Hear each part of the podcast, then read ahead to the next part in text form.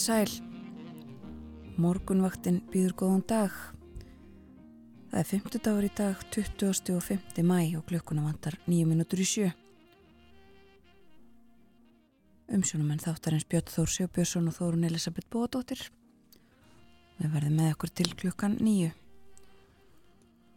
Já, 20. og 50. mæ í dag uh, vika eftir að mæ mánuði. Hann fyrir sögubækurnar fyrir leðilegt viður. Já, ætli það ekki. Þetta mér svo óvægt að segja. Við hugum einmitt að verinu aðtjóðum hvernig viðræði á landinu fyrir tæpri klukkustund og uh, mér sínist hittast í vera svona 6 stigað í afnaði og vindræðin metrafjöldin á sekundu ámóta. 6 stigað hitti til dæmis í Reykjavík, 7 metrar all skíjað drópaði nú þegar við vorum á leið til vinnu hér fyrir svo leittu síðan 6 stig líka á Kvanneri 8 metrar þar vestanótt 7 gráður í stikkisólmi létt skíjað 8 metrar suðvestan. 6 stig að hitti á Patrísfyrði og 5 gráður í Bólingavík 6 metrar á sekundu báðum stöðum. 3 stig að hitti á Hólmavík 9 metrar þar. 5 gráður á Blönduási og 6 við Söðunisvita 12 metrar á sekundu við Söðunisvita en nánast logg á Akureyriðin í eigafyrðinum og 5 stíða hitti 5 stíða hitti líka á Húsavík og hægur vindur þar. En bara 2 stíða hitti á Rauvaröfn hægur vindur. 6 gráður á Skeltingstöðum og 7 á Eilstöðum skíjað á Eilstöðum og 7 stíða hitti með Suðuströndinni á höfni Hortnafyrði á Kvískerjum og á Kirkjubæðaklustri 6 gráður á Stórhauða í Vestmannegjum og 5 í Árnesi og hittinn svona í kringum frostmarkið á hálendinu. Mínus ein gráða einstigs frost við sandbúðir. Hitti við frostmark á hverjaföllum og í veiðvatnarhönni tvekja steg að hitti á Káranhjókum tvær gráður líka á Holtavörðiðinni Og þá að spánni vestan og suðvestan 8 til 15 metrar á sekundu í dag kaldi eða stinningskaldi. Og skúrir fram eftir degi allvíða frekar svalt í veðri en hægari vindur og úrkomu lítið í kvöld og hitin 6 til 14 steg mildast söðaustan til á landinu. Á morgun kemur nýlægð úr söðvestri. Heldur vaksandi sunnan og söðvestanátt víða 8 til 15 metrar á sekundu setnipartin en hægari vindur á vestfjörðum og súld eða regning engum söðvestan og vestanlands. Hiti á bylunu 8 til 15 steg á morgun, förstu dag, hlýjast á Ísturlandi. Og uh, svo segir í hugleggingum viðfræðings að aðfaranótt lögadagsverði lægðin komin norð-austur yfir land. Þá gengur í nokkuð kvassa norðvestanátt með slittu norðan til á landinu. En þegar það kemur fram á daginn stittur upp og fyrir að læja. Og uh, mér sínist ágættisveður kannski á kvítasunnudag, sunnudag og, og annan í kvítasunnu það er ekki gefin upp vindræði í það minnsta en suðvestanátt og regning með köplum á sunnudag en þurft á norðaustur og austurlandi. Hitin að 13 stegum og á annan í kvítasunnu þá fyrir hitin mögulega upp í 18 steg hlýjast eistra að mestu þurft austanlands en annars suðlega átt og, og smá regning eða súld. Já. Getur þess að uh, kortið fyrir setnipartin, spákortið fyrir setnipart lögadags er mjög fallegt. Uh, glaða sólskin á nánast landinu öllu en uh, loftittinn lágur. Já og svo að því við erum líka í bjart síninni og að reyna að líta á björtur liðarnar þá uh, er bjart veður í kortunum á miðvíkudagin næstu viku. Það er tekið fram í, í veðspónni. Suðvestanátt og bjart veður. Það er síðasti dagur mæmanuðar. Já. Það er hálka á vegum til dæmis á Dinjandisheiði á vestfjörðum og uh, það er skafreiningur á Öksnadalsheiði, snjóþekja á veginum. Aðstæður erfiðar, segir vegagerðin. Og uh, þeim sem eru á uh, lágum bílum og á ekki góðum dekkjum, þeim er bent á að fara út á tröllaskaga, fara annarkort siglufjörðavag eða um lágheiðina.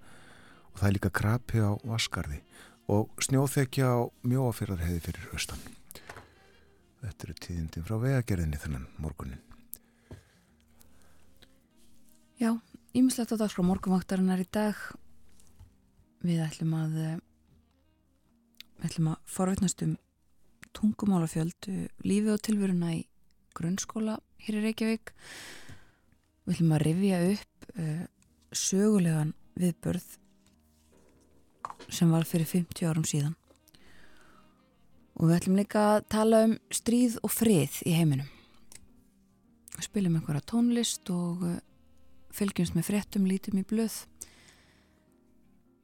En ef við ekki að heyra fyrsta lag þáttarins, hlustum á Everly Brothers í gerðmorgun þá leikum við lagið Volare eftir Dominique Modugno sem var vinsalasta lag ársins 1958 og næst vinsalasta lag þess árs og lagið sem var efst á vinsaldalistum á þessum tíma ársins. Það var þetta hér Everly Brothers og All I Have To Do Is Dream. Dream,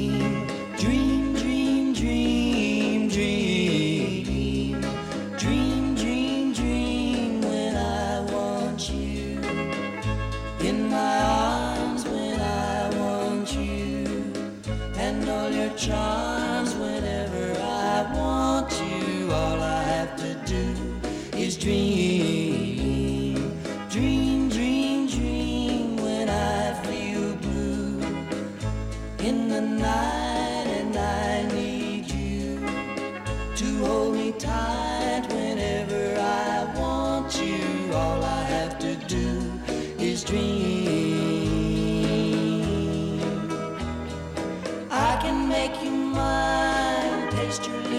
why.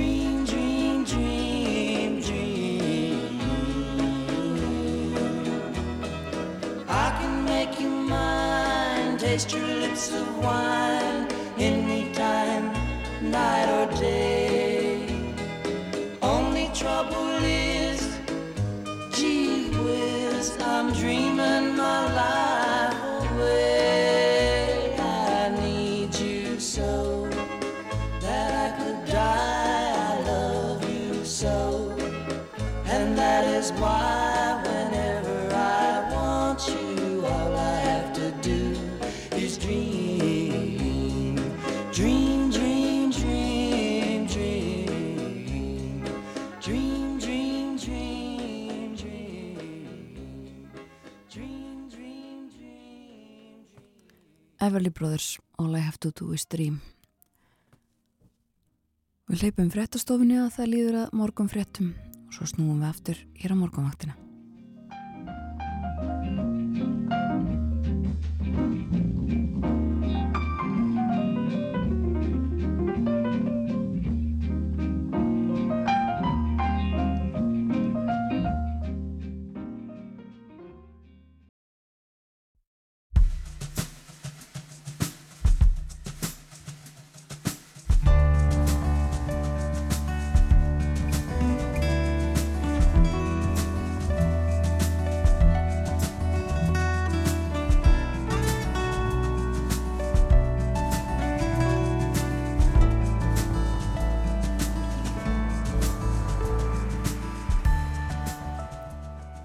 Góðan dag. Morgunvaktin hilsar 5. daginn 20. og 5. mæ. Umsjón hafa Björn Þór Sigbjörnsson og Þórun Elisabeth Bóadóttir. og yfirlegt á dagskræði hjá okkur í dag. Daglega heyrum við fréttir af innrás rússa í Úkrænu, ef ekki af árásum og átökum og eðileggingu og dauða, þá af vopnasendingum, efnahagstringunum og öðru sem snertir eða tengist þessu stríði með einhverjum hætti. En það eru fleiri stríð í heiminum. Guttormur Þorstensson, formaður miðinemdar samtaka hernaðaranstæðinga verður hjá okkur klukkan halv átta við ræðum stríð og fjöllum um störf friðarhefinga. og í Östubæjaskóla í miðborg Reykjavíkur koma saman á hverjum degi börn af ólíkum þjóðurnum og sem tala fjöldan allan af ólíkum tungumálum. Kristín Jóhannesdóttir skólastjóri Östubæjaskóla kemur til okkar um klukkan hálf nýju í dag og spjallar við okkur um skólastarfið. Svo rifið við upp stórviðburð í Reykjavík fyrir 50 árum. Hér hittust forsetar bandaríkjana og Fraklands og þeir hafðum margt að ræða. Við fjöllum um fundin sjálfan og forsetana hér á morgunvaktinni í fyrramálið en heyrum í dag lýsingu frá komuð þeirra til Keflavíkur flugvallar. Þar var mikill viðbúnaður, öflug örgiskesla, sér innfluttir bílar, engaþóttur. Já, þetta var bara alveg eins og hér í síðustu viku. Það uh, var uh, leiðanda veður hana fyrir 50 árum. Þeim var svolítið kallt Pompidou og uh, Nixon en hvernig verður veðrið í dag? Já, það er áfram ekkert sérstaklega gott veður ætli þetta get ekki flokkast líka sem leiðenda veður eins og síðustu daga reyndar. Vestan og suðvestan 8 til 15 og allvíða skúrir í dag og fremur svalt í veðri. Hægari vindur og úrkomi lítið í kvöld en á morgun þá kemur nýlægð úr suðvestri. Heldur vaksandi sunnan og suðvestanátt viða 8 til 15 metrar á sekundu en hægari vindur á vestfjörðum. Og rigning engum sunnan og vestanlands á morgun og hitin aðeins meiri þá heldur hún í dag að verða 8 til 15 stig og líjast á Östurlandi.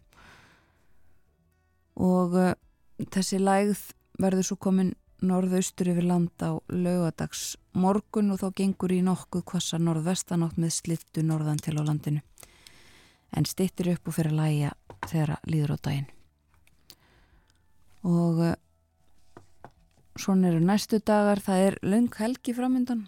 Uh, Suðvestanátt og rigning með köplum á kvítasunnudag, þurft á norðaustur og austurlandi og hitin 7-13 stig og á annan í kvítasunnu söðlaga átt og regning eða súld en að mestu þurft austanlands og hitin alltaf átjón stigum eistra frá nýju stigum. Og það eru, það er hægt að finna falleg kort. Ögnablik. falleg ögnablik og svo er að sjá hvort þau gangi eftir. Sjáum sem sagt ekki betur en að sóluminu skína um alland setni partin á lögadag en uh, hitin verður bara svona 6-7-8 gráður eitthvað svo leiðis 10 kannski það sem að hlýjast verður. En uh, bjart. Þetta er sem sagt setni partin á lögadagin nefnum það líka uh, við sáðum nú að fráðið fyrir fréttinnar en það er snjóþekja og skafreiningur á Öksnadalseiði og erfiðar aðstæður á veginum samkvæm tilkynningu frá vegagerðinni frá því fyrir 30 mínútum eitthvað svoleiðis. Og það er hjáleið fyrir bíla sem ekki eru búni fyrir vetrar aðstæður um tröllaskaga. Og hægt að fara fyrir hann eða láheiðina og það eru hálkublettir á dynjandisheiði og uh, snjóþekja á mjóafjörðarheiði þetta eru tilkynningarnar frá vegagerðinni þennan morgun. Jæja, þá lítum við í blöðin byrjum á fórsíðu morgunblaðsins og uh, Hér er útráttur úr uh, viðtali við Katrín Jakobsdóttur fósættisráð þeirra sem er í blæðinu í dag. Það er rætt við hann um efnaðasmálinn. Og uh, það auðvitað eftir uh, þessa hressilegu vakstahækkun Sælabankans í gær. Sælabankin eða peningastefnunat Sælabankans uh, ákvaða að hækka vextina um, um 1,25% stíg. Og uh, vextinnir uh, ornir Já, svimandi háir voru mjög háir og já, er ekki hægt að segja að séu bara orðin svimandi háir svona í íslensku samhengi allavega og uh, Katrín segi nú hér í, í upphafi þessa viðtals eða, eða útrættinum úr því á fórsíðunni að þessi mikla vaksta hækkun hafi ekki komið óvart, ekki fullkomlega óvart allavega.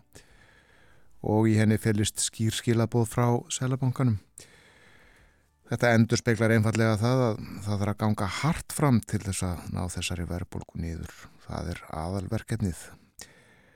Og uh, Katrín uh, bendir á að uh, Sælabankastjóri hafi ekki sérstaklega að nöðsinn þess að aðilar vinnumarkaðinins hafi þessa stöðu efnagslífsins í huga nú í aðdraganda kærasamninga og telur farsalasta að ef hér tækist að koma á langtíma kjærasamningum á vinnumarkaði og uh, nefnir lífskjærasamningana frá 2019. Þeir getur verið fyrirmynd og uh, hérna svo ég uh, grípi svo niður í síðasta hlutan, hún víkur að ríkisrekstrinum í þessu viðtali, segir að aðhald sjáu stað bæði í fjárlögum og fjármála áallun en út til okkar ekki að lengra þurfum við að ganga í þeim efnum samhliða því að verja viðkvæmustu hópana fyrir áhrifum verðbólgu og efnahagstrenginga. Ríkisvaldið muni leggja sitt að mörgum og styðja Sæðlabankan í sínum verkefnum að hveða nýður verðbólgu. Og fórsíðu myndin var tekin á fundi í Öskuhúsi Háskóla Íslands í Varsmyrni í gerð og þann fund satt fjöldi íbúa skerjafjörðar. Þessi fyrirhugaða íbúðabygði skerjafjörði var það rétt og uh, það var príðisfélagið skjöldur sem að stóðað fundin. Íbúar eru margir hverjir ósáttir við upplýsingagjöf vegna nýrar byggðar í skerjafjörði. Miklar áhyggjur eru af öryggi flugvallarins og íbúa sem að búa næst honum með tilliti til breytrar flugumförðar. Þetta er haft eftir Eggerti Hjartasinni sem er formaður príðis félagsins skjaldar. Fjallaðan þetta, já. Og uh, svo er hér uh, sagt frá uh, andláti Tínu Törner svo frétt barst okkur setnipartin í gær uh, lest í gær 83 ára við hlustun og Tínu Törner hér á eftir. Uh, já, og uh, fjöllum kannski um hana bara uh, nú þegar uh, það er fjallað um hana á farsíðum stórbladana Já, það er fjallað um tínutörnir í fjölmjölum uh, mjög víða og uh, myndir af henni á fórsíðum já, til að mynda uh, eiginlega allra ennsku bladana hvort sem það eru aðal, aðalmyndirnar eða, eða aðrar myndir. Og uh, auðvitað vinsælt að vísa í hennar uh, kannski þekktust, þekktasta texta Simply the Best. Hún hafi verið Simply the Best, einfallega svo besta. Já. það er uh, víða víða uh, tekið fram í, í fyrirsögnum. En fyrst við erum að nefna ennskublöðin þá skulum við halda okkur þar. Það er sagt frá því á fórsíðinu á Times í Breitlandi að það sé verið að selja banka upplýsingar fólks uh, fyrir opnum tjöldum einlega og uh, fólk uh, svona sveikarrappar stæri sig jafnvel af því að lögreglan geri ekkert í málunum og geti ekkert gert. Það sé sér satt verið að eiga viðskipti með stólnar banka og kreditkorta upplýsingar fólks. Og þetta er rannsókn sem var gerð á þessu fundu uh, tugi hópa Blaðamenn Times á Telegram sem er uh, samskipta foritt þar sem að uh, er verið að skiptast á upplýsingum fyrir peninga uh, og bjóða kennslu í því hvernig hægt er að gerast svona sökarhapur og fjársökari. Og uh, þetta er uh, stór og mikil umfjöldun hjá þeim og fyrir í þessu mánuði þá hefur uh, hafa stjórnvöld reyndað uh, eða tilkynnt uh, viðbröð sín og, og, viðleitni til þess að takast á við þetta vaksandi vandamál. En það hefur ekki gengið vel að eiga við þetta. Einn af hverjum 15 fullornum í Englandi og Wales uh, talin hafa verið uh, fórnarlamp söka, fjórsöka síðasta árið 7 miljardar punta sem að talið er að hafi uh, tapast.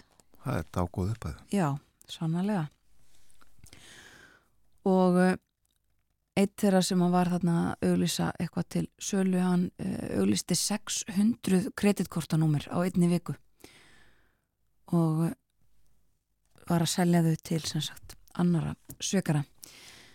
En uh, svo er það líka efnahagsmálin í Breitlandi eins og við myndumst á hér áðan þá uh, talaðum þau á, á fórsýðu morgumblaðsins en uh, í tilefni þess að, að vextir voru hækkaðir í gær hér á Íslandi, Sælabankin gerði það og í bresku blöðunum þá er varað við því að eh, Englandsbanki muni hækka vextina þar í næsta mánuði jafnvel upp fyrir 5% og uh, þessu þurfum fólk að eiga von á. Um, og uh, fjallaðum þetta í nokkrum bladana sé svona kjarnaverðbólka sem að hafi þessi áhrif. Þessi verða að berjast við, uh, við hana. Og áfram sé bæði verða á vörum og þjónustu herra heldur en spáð hafði verið. Og líka tekið fram að þessi búist við því að verðbólgan eða verðbólgusbáin í Englandi fari niður í 5% á þessu ári.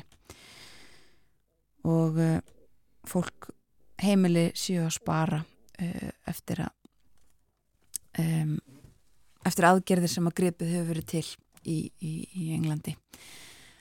Og uh, svo er það líka þessi mál til umfjöldunar annar staðar uh, fórsíðun á dagins nýhettir í Svíþjóð er uh, svona samantekt á því hversu um, miklu munar á því sem að fólk hefur milli handana í hverju mánuði. Búið að rekna það úta með dýrari mat, hækkandi húsnæðisverði og háu rafumaksverði að þá sé svona meðal fjölskylda, venjuleg sænsk fjölskylda með 9000 sænskar krónur sænskum krónum minna til ráðstöfunar í hverju minnista mánuði heldur en áður. Og það er líka upphæð sem að flest fólk munar um. Við heyrðum auðvitað fréttunum áðan af uh, bandariskum stjórnmálum og þurfum kannski ekki að endur taka þau. Rondi Santis uh, tilkynntu um sitt frambúð til fórsetta í, í gær eins og búist hafi verið við og uh, en það nefna eitt í viðbútt úr ellendum fréttum og það er það að ABBA uh, hljómsveitin hefur útilokað að koma fram í tilöfni af þess, því að það verða 50 ár liðin frá því að þau unnu uh, Eurovision Já.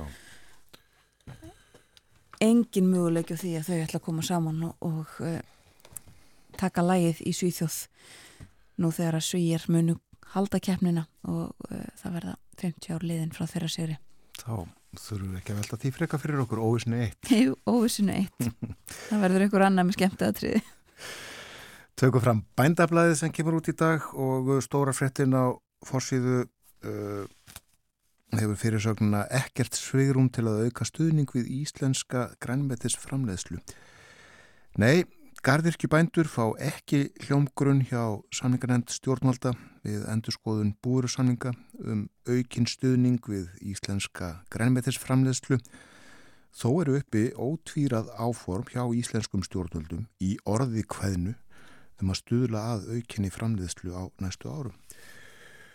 Og það er rætt hér við Axel Sæland, hann er formaður deildar gardirkjubænda hjá bændasamtökunum og uh, hann segir að hann hafi bundi vonir við að þessar samningavirðaður, þar sem fyrir heit hafi verið gefin um aukinn stuðning við greinina til vakstar, að þetta er því jákvægt. Við höfum séð þetta ítrykkað hjá stjórnvöldum að tala sér um að auka í grænmetis framleysluna, fyrst í stjórnarsáttmálunum og svo fögnuðum við því auðvitað gríðarlega nú síðast að sjá þessa fjármála áallun þar sem gert var ráð fyrir að skilir þið eruðu sköpuð fyrir 25% vexti greinarinnar á næstu fjórum árum. En uh, trátt fyrir þetta þá hafa gardirkibændur ekki fengið hljómgrunn. Svo er hérna aðtiklisverð rétt líka á fórsíðu uh, sem hefur þennan einn gang bændur gætu verið í vanda telið er vindmilur sem reysa á mögulega í nákvæmni við á rýra á einhvern hátt notagildi gerða þeirra. Og þannig er að bóndi í skeiða og gnúberjarreppi hann spyr hvort það sé nöðbeður til að eigða tíma sínum í að verða einhvers konar vindorku vera sérfræðingur til að verja hendur sínar fyrir áformum um vindmilugarð á næstu jörð. Sko, þessi bóndi, hann komst á snóðir um áform nágranna síns fyrir tilviljun. Hann uh, rakst fyrir tilviljun á skýslu frá verkvæðistofu um verkefnið en þessi skýsla var fylgigagn fundagerða sveitastjórnar á vefnum. hafði sannst ekkert hugmynd um það og uh, var einhvað að skoða fundagerðið sveitastjórnarinnar og, og þá var þetta einhvern veginn, ég segi ekki falið en blasti allavega ekki við kemur þá í ljósað nágrannin hefur í hegju til uh, aðtugunar allavega að reysa vindmilur á jörðsynni þetta er auðvitað ekki gott. Og það er sagt frá því líka í bændablaðinu í dag að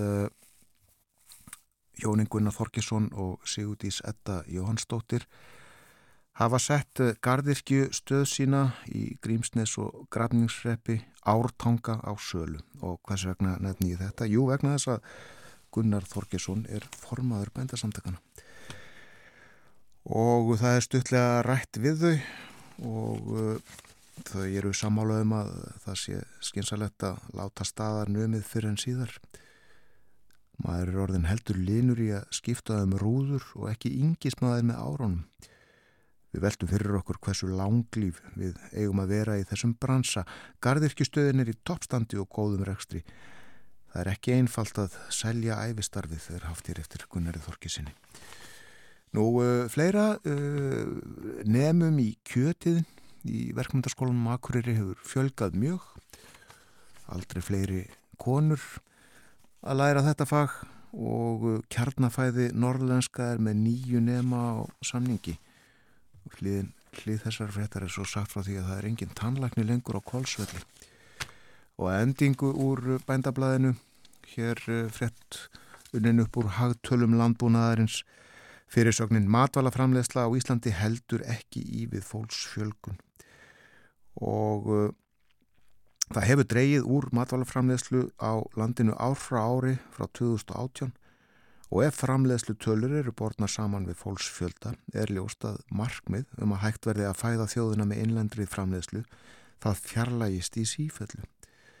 Og uh, sagt er hér að uh, mestu muni um samdrátt í söðfjárhægt en uh, framlegsla kindakjöts á mann dróst saman um rétt tæp 30% frá árinu 2012 og uh, fram yfir 2022 á 10 árum þarum byl.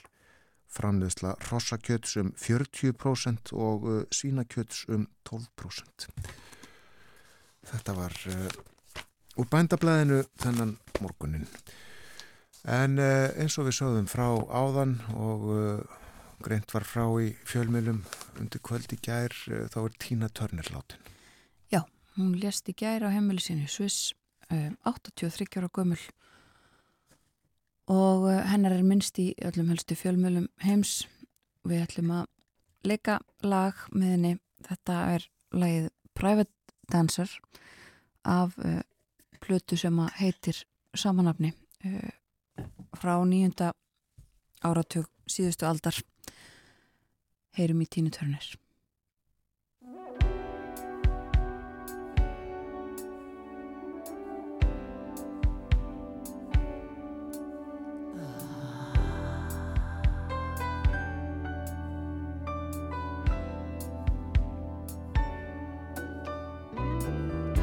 All the men come in these places, and the men are all the same.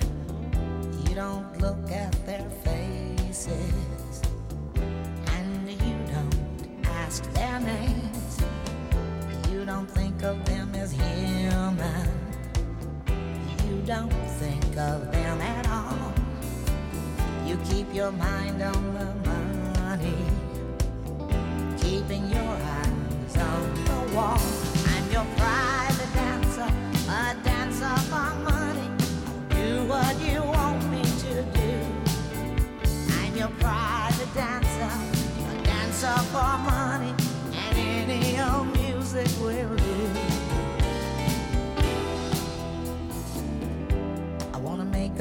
million dollars. I wanna live out by the sea have a husband and some children. Yeah, I guess I want a family. All the men come in these places, and the men are all the same. You don't look at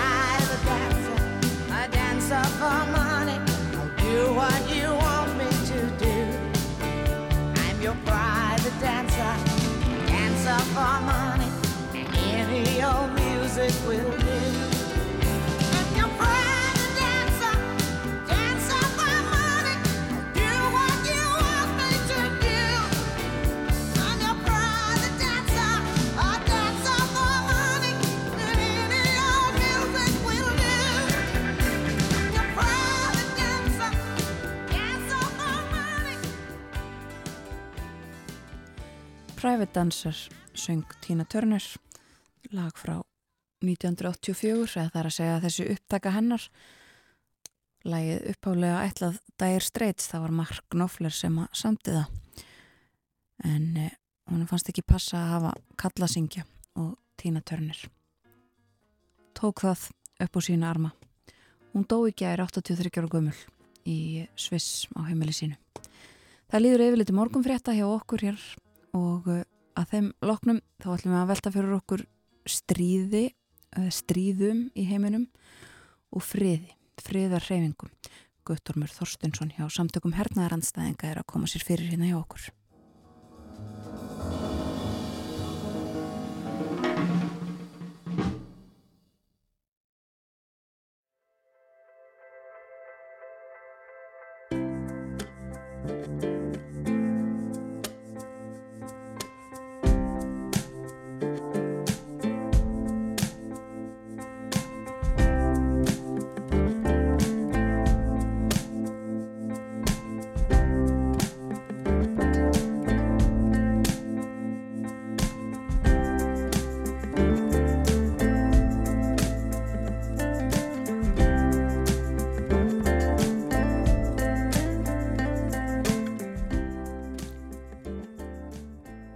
Sæl aftur þegar það hlusta á morgunvaktina á rás 1 klukkan. Er orðin rúmlega hálf átta og það er 50 dagur í dag, 20. og 50. mæ. Vika eftir af mæmánuði og eh, eins og við nefndum hér í morgun þá er líklegt að þessi mæ verði í minnum hafður fyrir leiðinda veður. Og það er eh, ekki lát á því alveg strax. Kaldi eða stinningskaldi vestlæg átt í dag. Að 15 metrum á sekundum og allvíða skúrir. Skúrir fram eftir degi og frekar svalt í veðri. En það verður svo hægari vindur og úrkomi lítið í kvöld. En það endist stutt því á morgun kemur nýlægð úr söguð vestri. Heldur vaksandi sunnan og söðvestanátt víða 8-15 metrar á sekundu setnipartin og súldið að rigning engum suðvestan og vestanlands. En svo litið hlýra hiti á bylunu 8-15 stig hlýjast á austurlandi. Og læðin fer svo norðaustur yfir landið og það gengur í nokkuð kvassa norða-vestan átt með slittu norðan til á landinu snemma á lögadag en þegar kemur fram á daginn stittir upp og fer að læja segir í hugleðingum viðurfræðings og kallt á lögadag hitin að tíu stegum frá tveimur. Svo tekur nú aðeins að hlýna. Og við getum nefnt það sem við nefndum hér snemmi í morgun að það er útlætt fyrir bjart veður um miðja næstu viku. Og við vonum að það verði þá upphafið að góðu sumri. Við minnum á það hér og eftir ætlum við að forvittnast og fræðast um eh, skólastarfi Östubæjaskóla það er í miðborg Reykjavíkur eh, fjöldi badna sem að þangað sækir skóla sem að ekki hefur íslensku sem fyrsta mál. Við ætlum að forveitnast um það hvernig þetta gengur allt saman hvað, hvað tungumálin eru mörg og uh, hvernig þessu er öllu saman hátt að Kristín Jóhannesdóttir skólastjóri verður hjá okkur klokkan halv nýju og áður en að því kemur þá ætlum að revja upp stór viðburð í Reykjavík fyrir 50 árum síðan þegar að fórsetar bandaríkjana og Fraklands hittust hér á kjærvalstöðum og uh, funduðu. Þá var eins og nú kallt og leiðenda veður en það var fleira líkt með þessu, uh, margt líkt með þessum fundi fyrir 50 árum og þeim sem var hér og sett allt á liðina í síðustu viku. Við revjum þetta upp í, í dag og á morgun en nú ætlum við að snú okkur að öðru. Já, við ætlum að fjallum stríð og frið. Við fylgjum skrant með gangi mála í Úkrænu með eh, innrás rúsa í Granríkið og hernaðinum þar. Það eru 15 mánuðir síðan Putin fósetti sendi sveitir sínar og sprengjur á stað og allir hér hef ekki verið sagða fréttir af þeim málum öllum svo að segja hvern einasta dag síðan. Og ef ekki af hernaði og áhrifum hans, eh, þá flótamönnum, eðileggingu og dauða að vopna söpnun úkrænumanna og samstöðu vinaþjóða þeirra af efnagsþvingunum gagvart Rúslandi, verðbólku vegna stríðsins, ég nefni eitthvað. Og allt gott að blessa með það, en það er barist víðar í heiminum. Og hér hjá okkur er nú Guttormur Þorstinsson, hann er formaður miðnendar samtaka hernaðar anstæðinga. Velkomin til okkar á morgumaktina. Takk fyrir.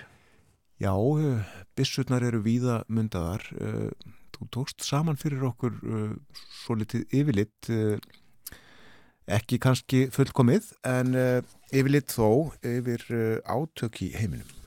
Jú, það er því miður þó að, að Úgræni sé kannski svona mest ábyrrandi og, og kannski akkurat núna með blóðugustu stríðunum sem er í gangi að þá eru fleiri og jafnvel álíka stór stríð og, og, og svona sem eru annarkort svona kannski sögum sem er að fjara út en svo rannur sem er að, að svona eh, spretta upp sko þannig að það er kannski helst eh, það er svona helstu nýjustu fregnindar í þessum málum eru eh, hérna, átökin í Sútan sem bara byrjuðu bara fyrir minn en mánuði síðan allt í innu og það er svo sem það vist kom nú þeim sem fylgdust með ekki mjög mikið óvart að það skildu bloss upp svona einhver átök þar. Það var hérna og þau svona sprett upp úr því að það var sem sagt uh, hérna Ómar Al-Basari sem stjórnaði þar mjög lengi. Hún var steft á stóli fyrir uh, 2019 og svo átt að koma inn þar einhver svona hérna samstarf borgaralegra og, og hersins. Og það raknaði upp úr því 2019 og þá var bara annar hersöðingi sem kom í staðinn og, og fram til Valdarán og svo er greinleikur mikil spenna þar innan hersins því að, að hérna, það eru svona einhvers konar svona hliðar hersveitir sem að spruttu nú upp úr öðrum átökum sem voru þarna í Darfur eins og margir mjög eftir í, í byrjun aldarinnar mjög blóðu þjóðninsreinsanir og svo leiðis og þá höfðu sérst verið stopnuð einhver svona einhverjar hersveitir þar sem eru kallar á ennsku held ég Rapid Response uh, Units eða eitthvað svo leiðis einhverjum svona stuðningssveitir sem voru stopnaður upp úr einhverjum herrflokkum þarna á svæðinu til að berja á íbúum Darfur og voru svo myndar einhver svona herr og þetta, það er einhver spenna þarna millisest ofnbæra hersins og þessara sveita sem að sprettur svona upp núna bara í april og það er bara ráðist allt í hennu úr öllum áttum á höfuborgina og fleiri borgir uh, á þessum sveitum, þeim er stjórnað af uh, manni sem heitir Hemti og bara á mjög skomum tíma einhvern veginn þá eru er byrjað, byrjað átök í kartúm og um hérna, umbera byggingar og, og hérna og, og bara allt í hennu skellur á þetta borgarstríð og, og það hefur farið mjög einhvern veginn rætt úr böndunum því að, að hérna og það gengir mjög illa að halda allskyns einhver svona vopna hlýja sem er búið að semjum og það kannski bendið til þess að hvoru hliðin hafa endilega uh, svona uh, kannski uh, sterkast stjórn á sínum ein mönnum þess vegna og, og, og það sem þetta er náttúrulega uh, svona einhvern veginn í borginum það hefur verið að berjast í borgum það hefur verið að taka ofinbæra byggingar og svona það var allir misildi meiri hluti sjúkrahúsa á landinu hafa, hafa hluti að loka sem að þó að kannski svona ofinbjörnum malfallstölur í bardum og svona verist hafa ekkert verið mjög háar eitthvað örfáður þúsundir þá getur maður ímyndið sér að, að svona þegar þessir innviðir hrinja og, og, og, flottamannaströmmurinn sem hefur komið þetta séu talsett mikið fleiri sem er að fara að láta þess þarna. Það er óhægt að segja, Guðtormur, það er hræðilegt ástand í stúdan Jú týnist það sko. Mm. og, og það er, fólk er að flýja uh, til yfir í nágrannarland sem eru, það sem ástandið náttúrulega heldur ekki gott tjat og, og, og hérna Eþjópíuðu og Suðu Sútan sem er allt mjög fátæk land sem eru sjálf uh, líka ekki alveg kannski uh, friðsum og svo er Egetur land þarna í norðri. Og fleiri stríðið Já, svo er það líka, það er, það er borgarstríð í Myanmar eða Burma, það var, það var líka akkurat sprettur upp úr, úr hérna, sem sagt Valdaráni Hersins sem var þar 2021 uh, gegn hérna líðræðislega kjörnum stjórnvöldum þar og uh, Aung San Suu Kyi var steift á stóli uh, og það hafði náttúrulega verið ímislegt í gangi þar eins og opsóknir gegn róhingum og svona fleiri þjóðnisminni hlutarahópar sem hafði verið að berjast og eftir þetta þá eru það bara stegmagnast uh, svona líðræði sinnar stopnuðu svona einhvers konar útlaga ríkistjóðn og lístu eða bara á hendur stríði gegn hernum og mynduðu settu þessa þjóðnishópa sem hafa verið að berjast í svona mynduðu ákveðin bandalag með þeim þannig að það hefur uh, já, er raunin bara ríkt svona uh, bara formlegt í raunin borgarastríð þar síðan, síðan í síðustu tvö ár. Og, og, hérna, og verið þið samt róstur samt var áratöðum saman með hlýðum Jú, akkurat, alltaf einhverju skerliða hópar og, og svona uh, uh, og náttúrulega þessi, þessi mjög svona grimmilega hernaðastjórn sko, sem er þá komin aftur núna náttúrulega með slæmi áhrifum fyrir mannitindi og enn frekar í flottamannaströym og allir sem því tilherir Já. Akkurat, þetta var uh, í Asíu, við erum búin að tala um stríð í Afriku og stríð í Asíu. Já, svo eru svona náttúrulega stór átök sem hafa verið í gangi og eru kannski svona sem blessunarlega að fjara út samt kannski frekar heldur en beinilins að enda en, en maður sér að það er svona talsvert, talsvert allavega svona minni átök en, en, en það er maður kannski ágefni að stríðum gengur mjög illa að klárast núna undanfærið, það er ekki, ekki mikið kannski sest við samningaborið, þau er bara einhvern veginn fjár út og maður hefur nú svona áhyggjur af því hvernig það muni fara á fleiri stöðum. En það er til dæmis eins og Jemen uh, sem fann alltaf mjög, mjög blóðugt og fóð mjög illa með mjög fátækt land en, en sátti Arbar virast eða það var svona hálfpartin gefist upp á þessari íhlutun sinni þar uh, og uh, borgarstríð í Sýrlandi og svona, það, er, það kraumar enn smá undir en það er eiginlega allir helstu svona uppreysnarhópa verðast vera að veri barni niður.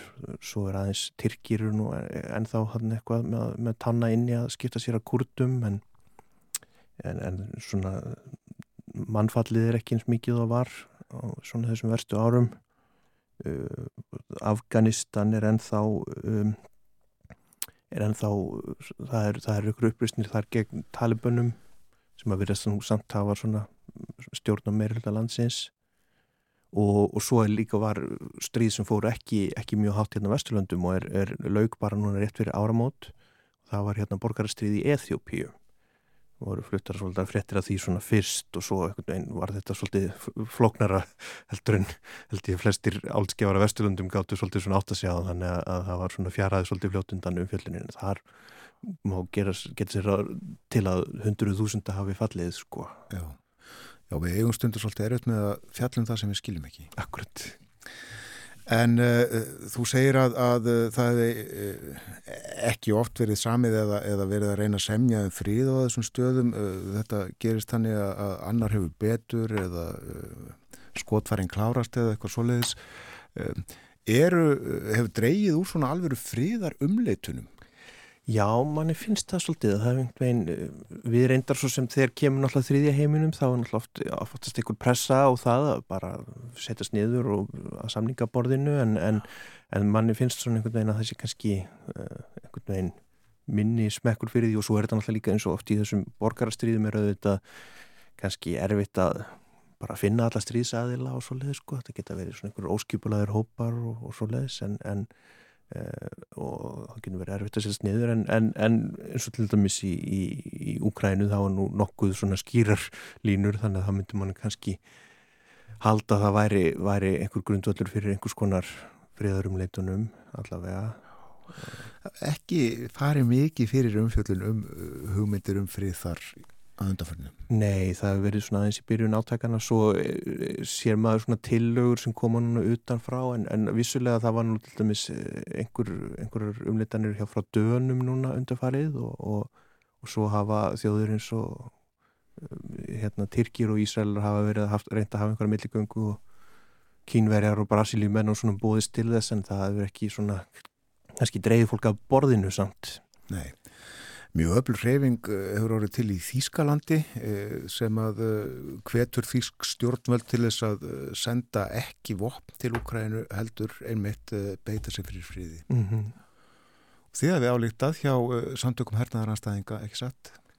Jú, við svona viljum allavega pressa á þjóðaleitu í Európu að við svona Európa er nú kannski svolítið að taka sér saman í andlitinu og reyna að uh, stuðla að friði en ekki bara einhvern veginn svona horfa á upp á þessi átök og, og, og, og senda bara vopn og einhvern veginn ekki, ekki komið aðra lausnir sem að verðast kannski ekki endilega endilega raunhæft að þetta muni vinnast uh, á, á hérna vývöldunum þetta stríð þannig að myndi nú vilja sjá akkurat svona alvarlegri friðar umleitanir. Já, og þið eh, nótuðu tækifærið í síðustu viku í tegnslu við letu að fundu uh, Európaráðsins til þess að vekja aðtikli á á þessari skoðan? Jú, við plantum okkur þarna akkurat við, við hafnina við hérna útsýni yfir, yfir leitofundinni í hörpu og bara með mjög einfalda kröfu bara um að, að, að hérna reyna stoppa stríðisa fyrst, vopna hlið, svo kjálfarað því samninga. Voruð uh, mitt við þúuna þarna við breym? Jú, akkurat. Já. Uh, sástu ykkur í sjónvarpinu á stóru stöðunum út í heimi? Var eftir þessu tekið? Það, voru, það var nú bladmaður allavega eitt sem talaði við okkur og frá Svíþjóð og hafði svolítið áhuga á svona hvaða uh, grassútarhefingar hefðu að segja um þennan fund en maður sá nú líka kannski bara almennt síðan ekkert voða mikla umfjöldunum um þennan fund sko þannig að, ég, ég hún ekki tekið eftir því, ekki mikið ég sá myndi í þessari grein sem þessi bladamöður sendi mér en, en ég hún ekki séð mikið meira nei, nei. það kannski, það getur verið að það hefur byrst á einhverjum, einhverjum európskum ríkisjónvástöðum sem maður hefur ekki fylst með. Akkurat, akkurat en það er ímislegt í e, tengslu við þetta, það er aukið e, kafbáta eftirlit í Allandshafinu mm -hmm. sem að já, hefur e, hefur verið eld eftir því sem að rúsar hafa svona sett kassan meira og meira fram og uh, hér fyrir árinu þá var sagt frá því að uh, bandarískum kábátumenn og heimilt að koma hér upp uh, nærri Íslandsdöndum og fá þjónustu hérðan úr landi Þið hjá samtökum hernaðaranstæðinga eru ekki ána með það? Nei, við áleitum gegn því og við höfum lengi bent á hættuna af þessum svona kabáta eldingaleg sem er hérna í Norðurhöfum og hefur, hefur verið alla tíðan öruglega akkurat sérstaklega eh, spinnst upp núna í kringum þessa meiri spennu milli Rúslands og Bandaríkjana það sem að, að kabótarfullir af, af kjarnorkuflögum eru, eru hérna sigla fram hjá landinu og svo eru þessir árasa kabótar að elda korðara og og, og við erum ekki selja hrifin að því að við, við séum að skinda undir eða, eða, eða hjálpa til við þetta hérna á Íslandi þetta, þetta er náttúrulega bara fyrsta lagi náttúrulega stórhættulegt heimsfríðunum þetta er náttúrulega eh, geraðinga vopn og svo líka bara hættan á einhvers konar slísum sem að geti orðið hérna og, og áhrifum sem það geti haft á, á, á íslenska landhelgi Þannig að við myndum nú helst og svo er nú líka bara eins og til dæmis það er nú sjálfs, það er nú yfirlýst stefna stjórnvalda þegar kemur að norðurslóðum að halda þessu sem svona einhverja láspennu svæði. Þannig að við svona viljum helst ekki að að, að við draugumst meira inn í þessi, þessi, þessi spennu á milli, milli stórveldana og, og hvað þá að, að við séum svona hjálpa til við það. Og breytir ekki afstöðu þinni þó að það séu ekki kartnorku vopni í þessum bátum sem eru þjónustæði hérna? Ég við höfum alltaf runni bara orð bandaríkjamanna fyrir því og þeir eru nokkið mikið að upplýsa svona hvaða skip hafa en og svo þegar við spyrjum og við höfum náttúrulega oft sendt miklar álítanir og, og spurt Íslensk stjórnvöld hver, hvernig eru þeir að tryggja það að, að, að hérna, Ísland sé eh, hérna, það sé virt að svo óskokkar að, hafa ekki kjarn og góð uh, og þá er það í rauninni bara sagt að sé, við höfum tilkynnt bandaríkjamönnum um þessa óskokkar og, og, og við gerum það ráð fyrir að þeir meti það en við höfum ekki enga leið til að meta það sjálfstætt og og, og, svona, og, þessi, þessi kjarnorku friðlýsing sem er vísað í uh, hér, þessi íslenska okkur finnst hún heldur ekki alveg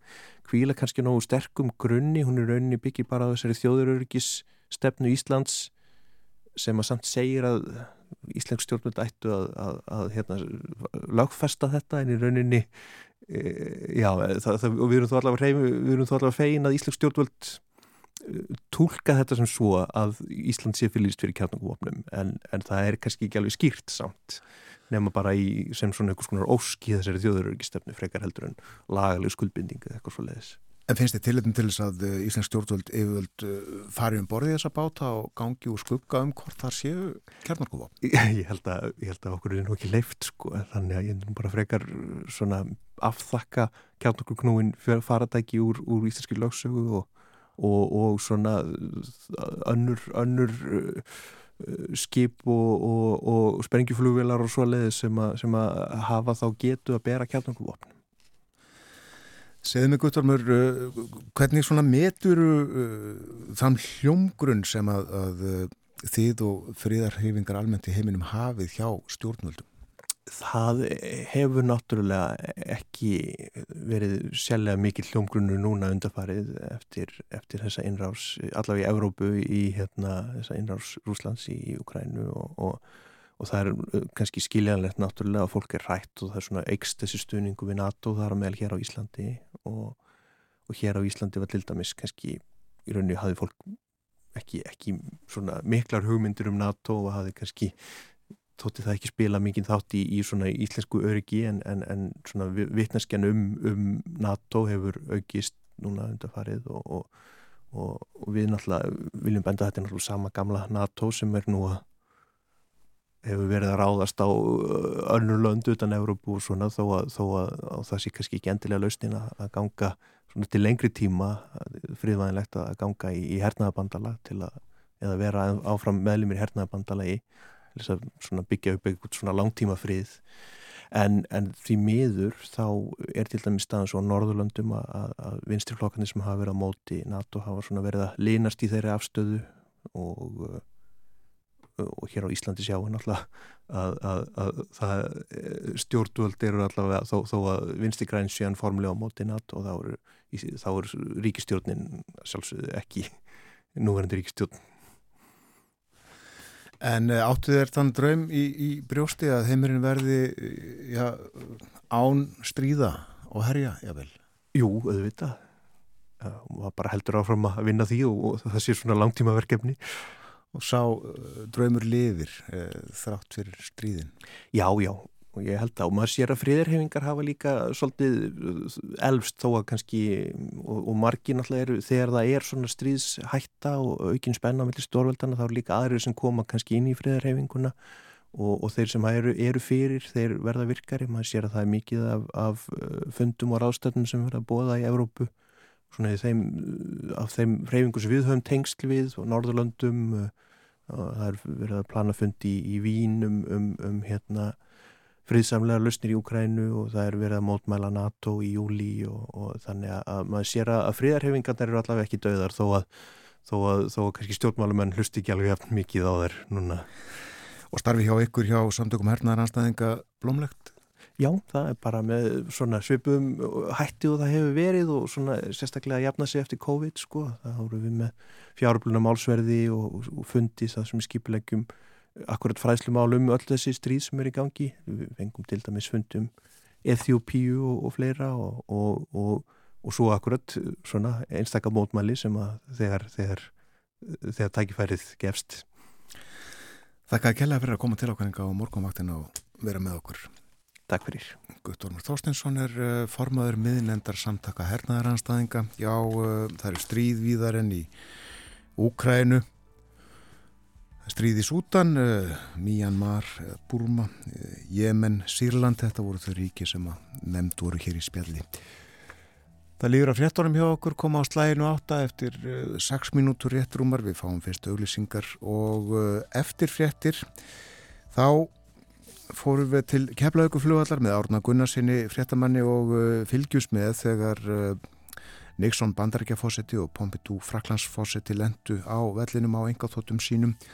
Þeir funduðu á kjærvalstöðum í Reykjavík í mæ-lok 1973 fyrir 50 árum. Við uh, heyrum um uh, komið þeirra til landsins hér á eftir og uh, fjöllum svo um fundin sjálfan og fórsettana á morgumvaktinni í fyrramáluð.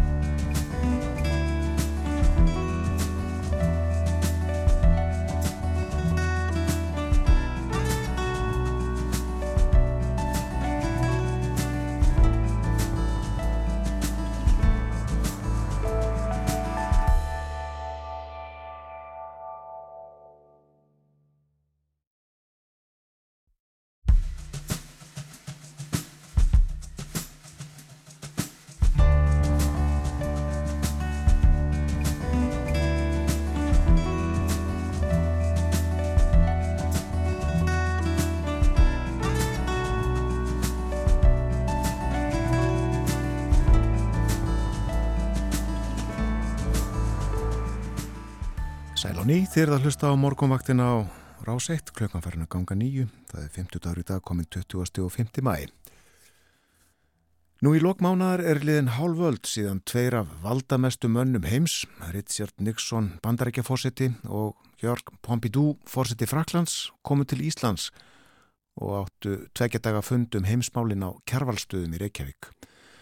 Þetta var stórviðburður og viðbúnaðurinn var mikill og því var líst ítarlega hér í útvarpinu þegar enga þóttur fórsetana lendu á keflavíkur flugvelli.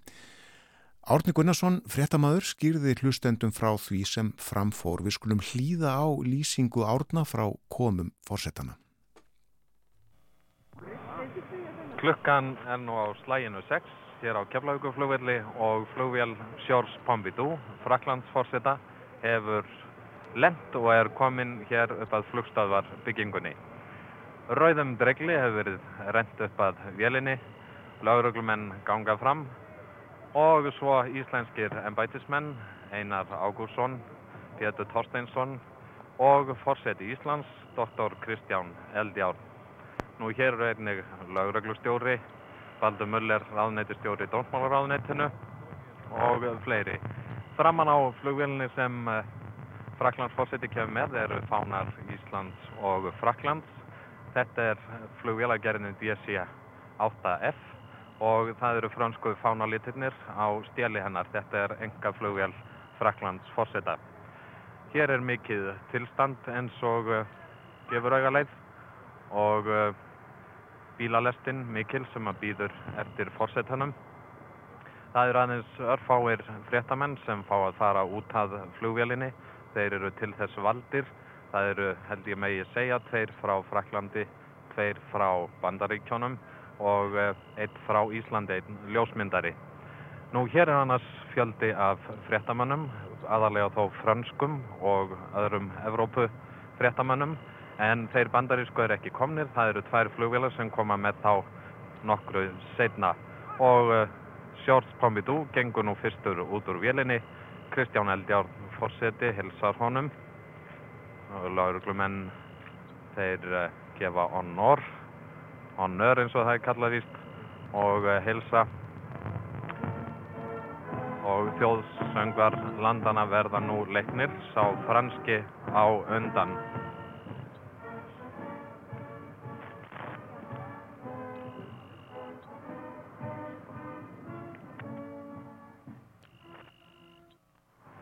og nú hafa þjóðsöngvarnir verið leiknir.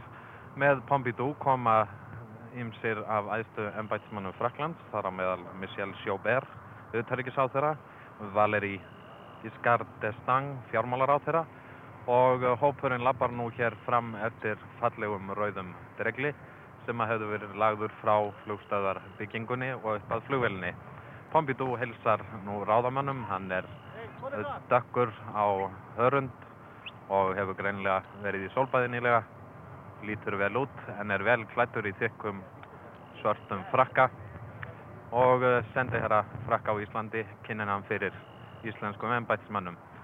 Hér býður svartur franskur Citroën eins og vera ber.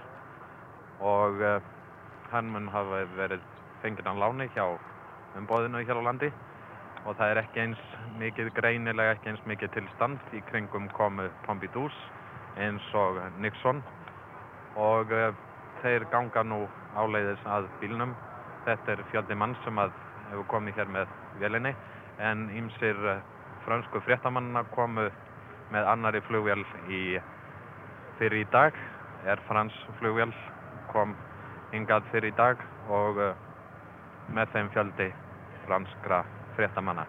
Nú uh, það losna nú allt úr böndunum hér, það eru nú ekki íslensku fréttamennir heldur, þeir erlendu, þeir ganga að bíl franska fórsetan sem að tekur þessu með mikill ró og brosir blít til hægri og vinstri en uh, lögreglan ítum mannunum frá. Og síðan mun þessi fylking aka í lest til Reykjavíkur í lögreglu fyllt mjög uh, nákvæmri og þess ber að geta sem vel er gert að hér leik Lúðrasveit Reykjavíkur við góðan orsti eins og venjulega en bladamennir eru nú allir komnir í kringu bílana en nú fer lestin á stað þetta er ósköp meinleysislegt allt saman, fer vel fram og verður vafalítið meira til stang þegar Nixon fórseti kemur hér á eftir.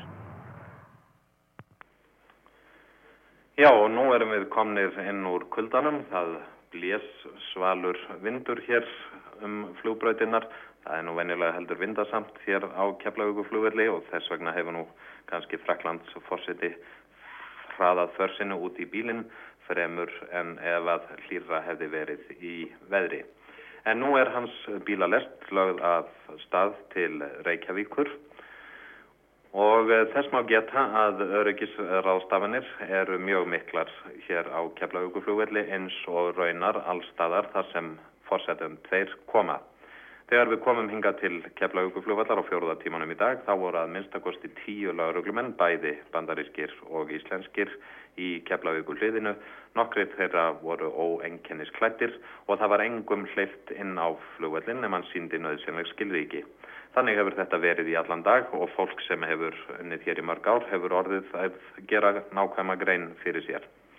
Nú allir aðskota hlutir í nákrenni Reykjanesbrautar hafa verið fjarlægður af öryggis ástæðum því þar á bakvið gætu leyniskittur leynst eða aðrir óæskilegir fýrar. Áðurum fórsetarnir tveir fara til Reykjavíkur, nú áðurum Pompidou fór, fór þyrla eftir Reykjanesbrautinni með lauruglumönnum og eh, líta þeir eftir því að engir okkunnir mennsi á ferðinni með fram veginum og eh, ekkert duðlar fullt á segði.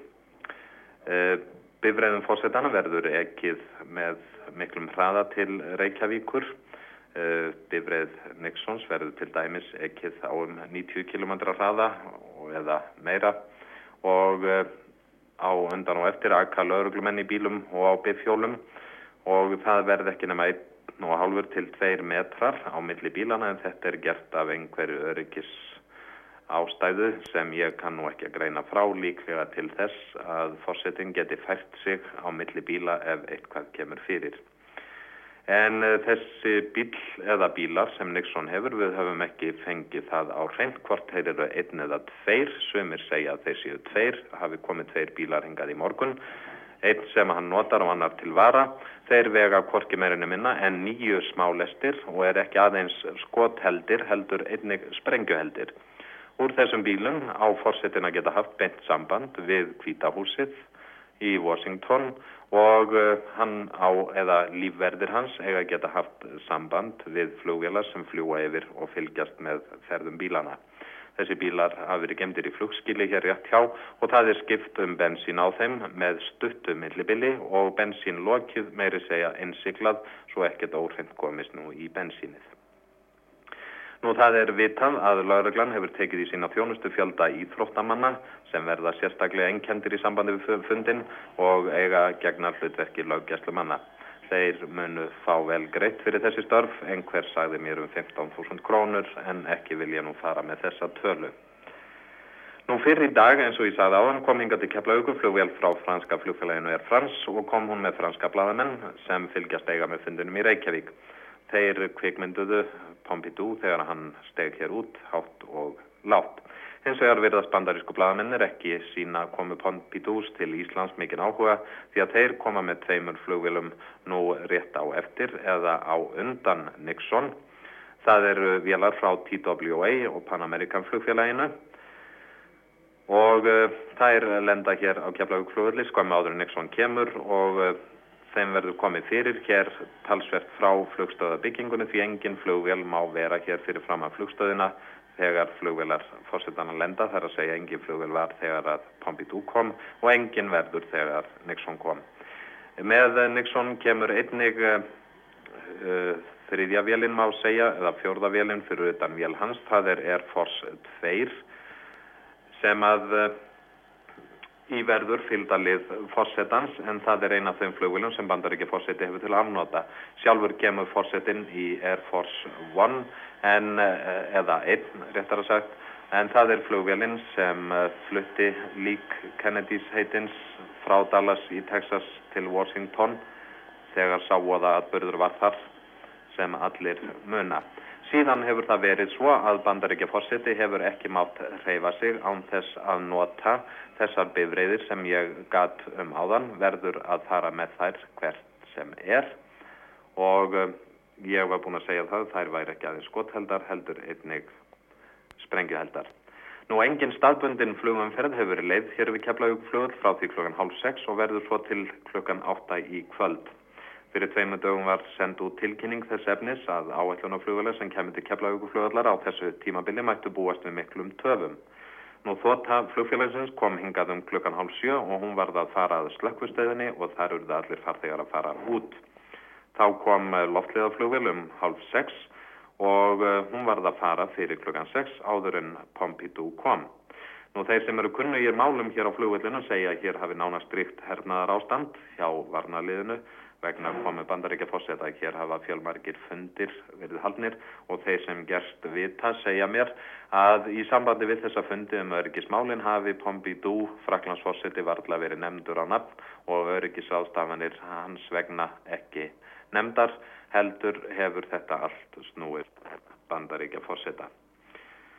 Nú það er nú varðla mikið meira að segja. Hér hefur allt verið sópað, flugbrautir og annað til þess að það sé nú allt sem örugast og öryggisverðir eru hér út um allt og þeim á uglust eftir að fjölga þegar Nixon kemur. Þeir standa hér út á brautunum og spá ég því að þeim sé nú orði kallt. Þeir eru búin að standa þarna lengi sumir hverjir. Þeir verða hér upp á þökum húsa og eh, fylgjast með öllu mjög nákvæmlega.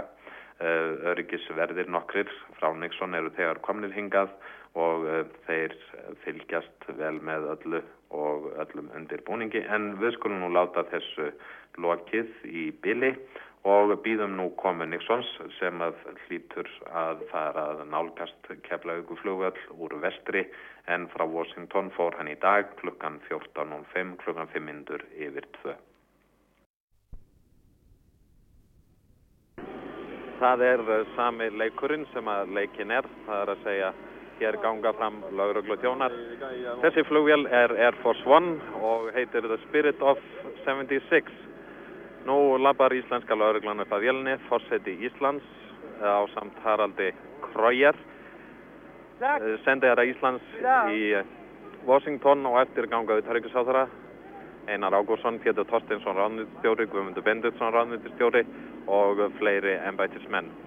Rauði dreigilin er til staðar og þetta minnir mann raunar meira á reyfara það sem hér gerist heldur en okkur annað. Eh, Afturdyrnar á flugvélun eru opnaðar fyrst og útkoma öryggisverðir, hópur öryggisverða en þeir voru margir fyrir þegar og þeir ganga hér um með lítil lapp-rapptæki sem þeir hafa í vörsónum og eru svo með já og nú kemur Nixon út solbrútt í gráum öllarfrakka brosir breytt og uh, honum er hilsað, það er bandaríski sendaherran fyrst sem kynir hann fyrir fórseta Íslands og síðan hilsar hann Haraldi Kröyer Öryggisverðirnir eru allt í kring og fylgjast mjög náinn með, þeir fylgjast svo vel með að eh, Guðmundur Bendiktsson og Pétur Torstensson átt ekki að fá að fara út á eh, flugbrautina hérna. Þeir ganga eftir rauða streglinum en eh, með Nixon koma þeir George Shultz, fjármálar á þeirra og William Rodgers, utarrikis á þeirra. Rodgers gengur á eftir fórsetanum og hér sjáum við hinn fræga mann Kissinger. Hann er með í hófnum.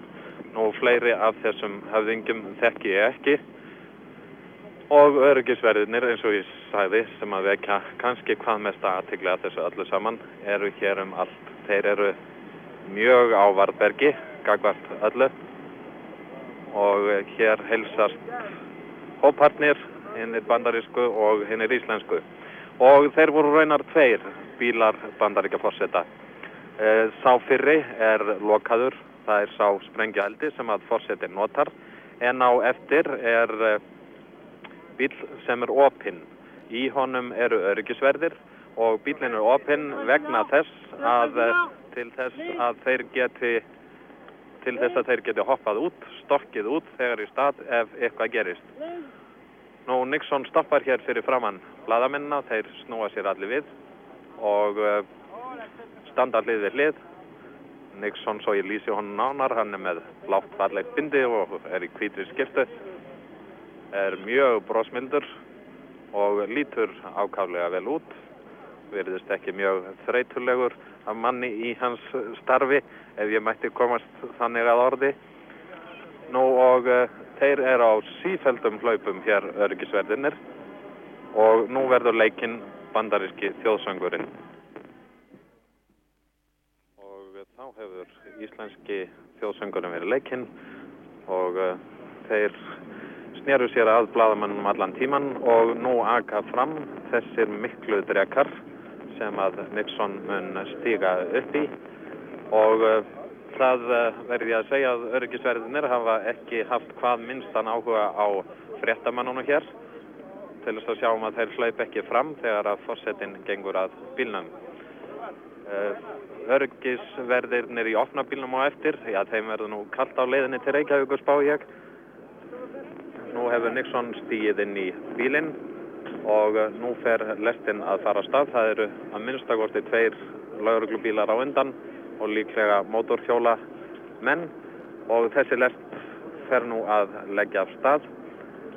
Dregarnir tveir, eins og ég nefndi áðan, sem vekja hvað mesta aðtegli hér og uh, þá fer nú að ljúka þessari aðtöfn hér á Keflavíkur flugvelli sem hefur verið nokkuð forvitnileg að mista kosti fyrir íslenskan fréttamann sem aldrei hefur séð neitt þessu líkt. Tveir öryggisverðir standa utan á bíl fórsetans og þetta virkar nú svolítið þægilega verði ég að segja þegar þeir aka á stað og uh, ég vona bara þeir séu í öllar nærfötum á leiðinu til Reykjavíkur.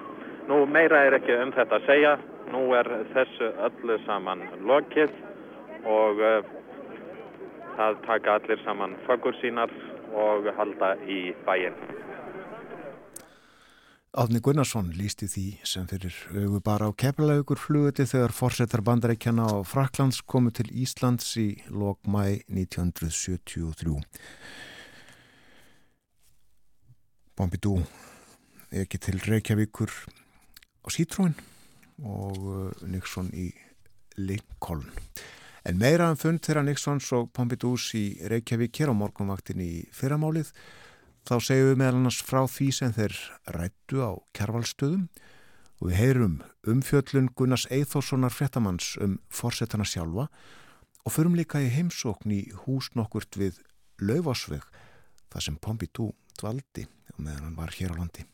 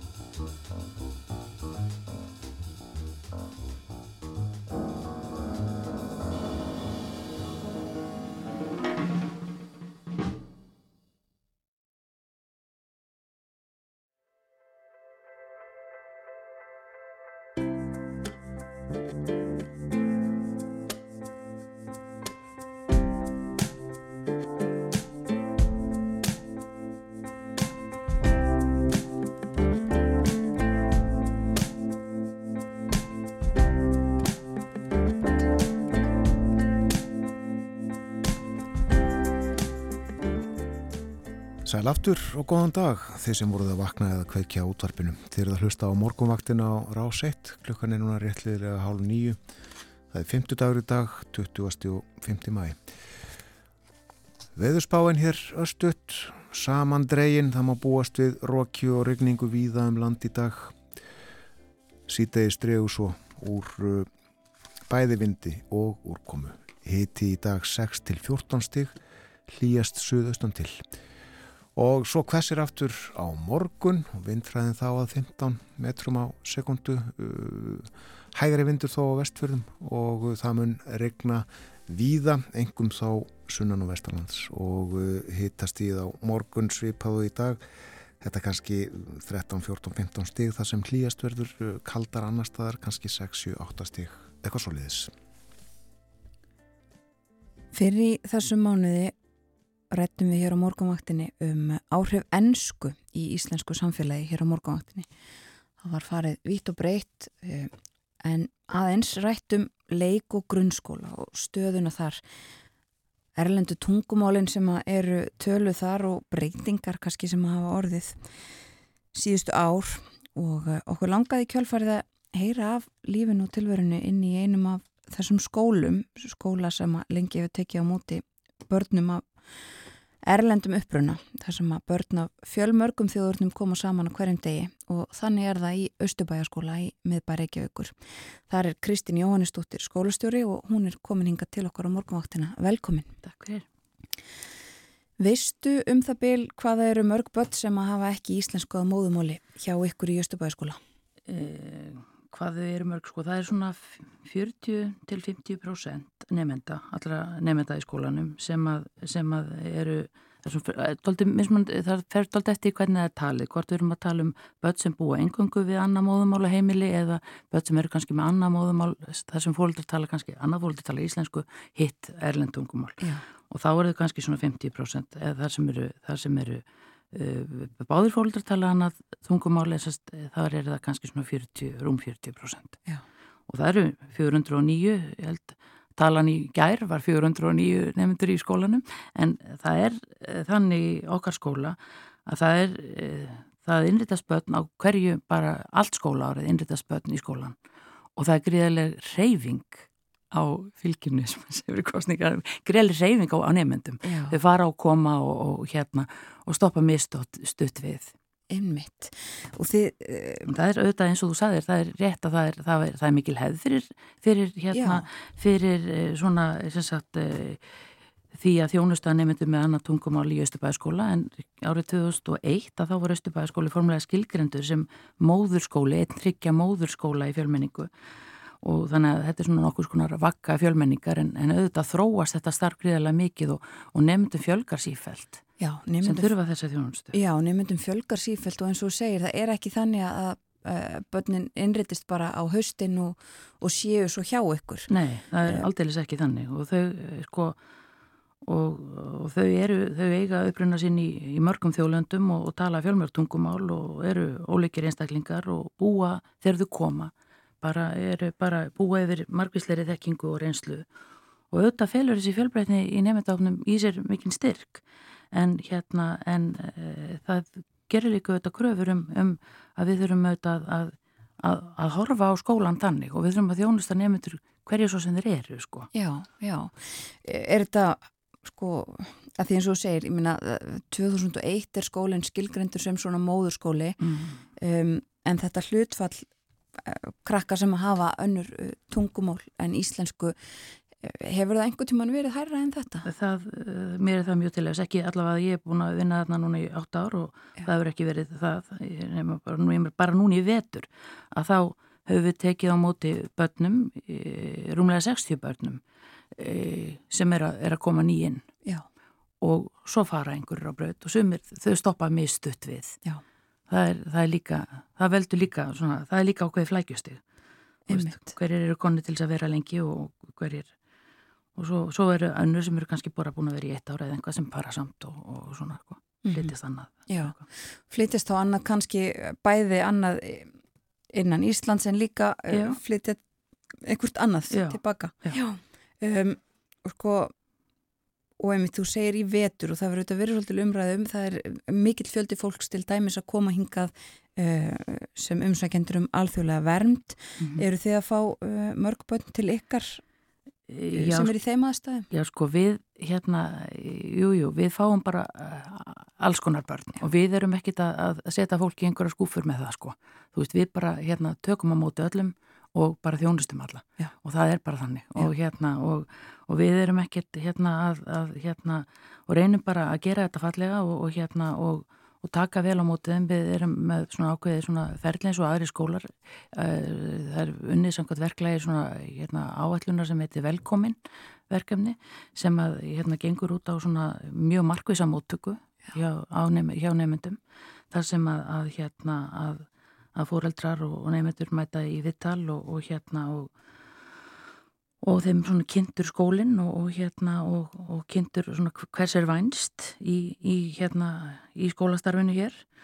Og hérna og þetta er að vissuleitu ólíkt því sem að önnur börn er að fá hérna að það er ekki svona það er ekki svona ítalegt vittal en þarna í þessu vittali þá er aflega í misa bakgrunnsupplýsinga um barnið og hérna og það er náttúrulega menn reyna að komast að því hvort þeir séu hvort það er barnið sé læst á vestrandletur og, og við viljum vita svona um helstu styrkleika og veikleika og, og svo þurfum við þetta að ræðum bara hlutverk skólafóreldra, hvernig er að vera skólafóreldra á Íslandi og, og þessar námskreinar sem við erum með, sundið og bara og allt það.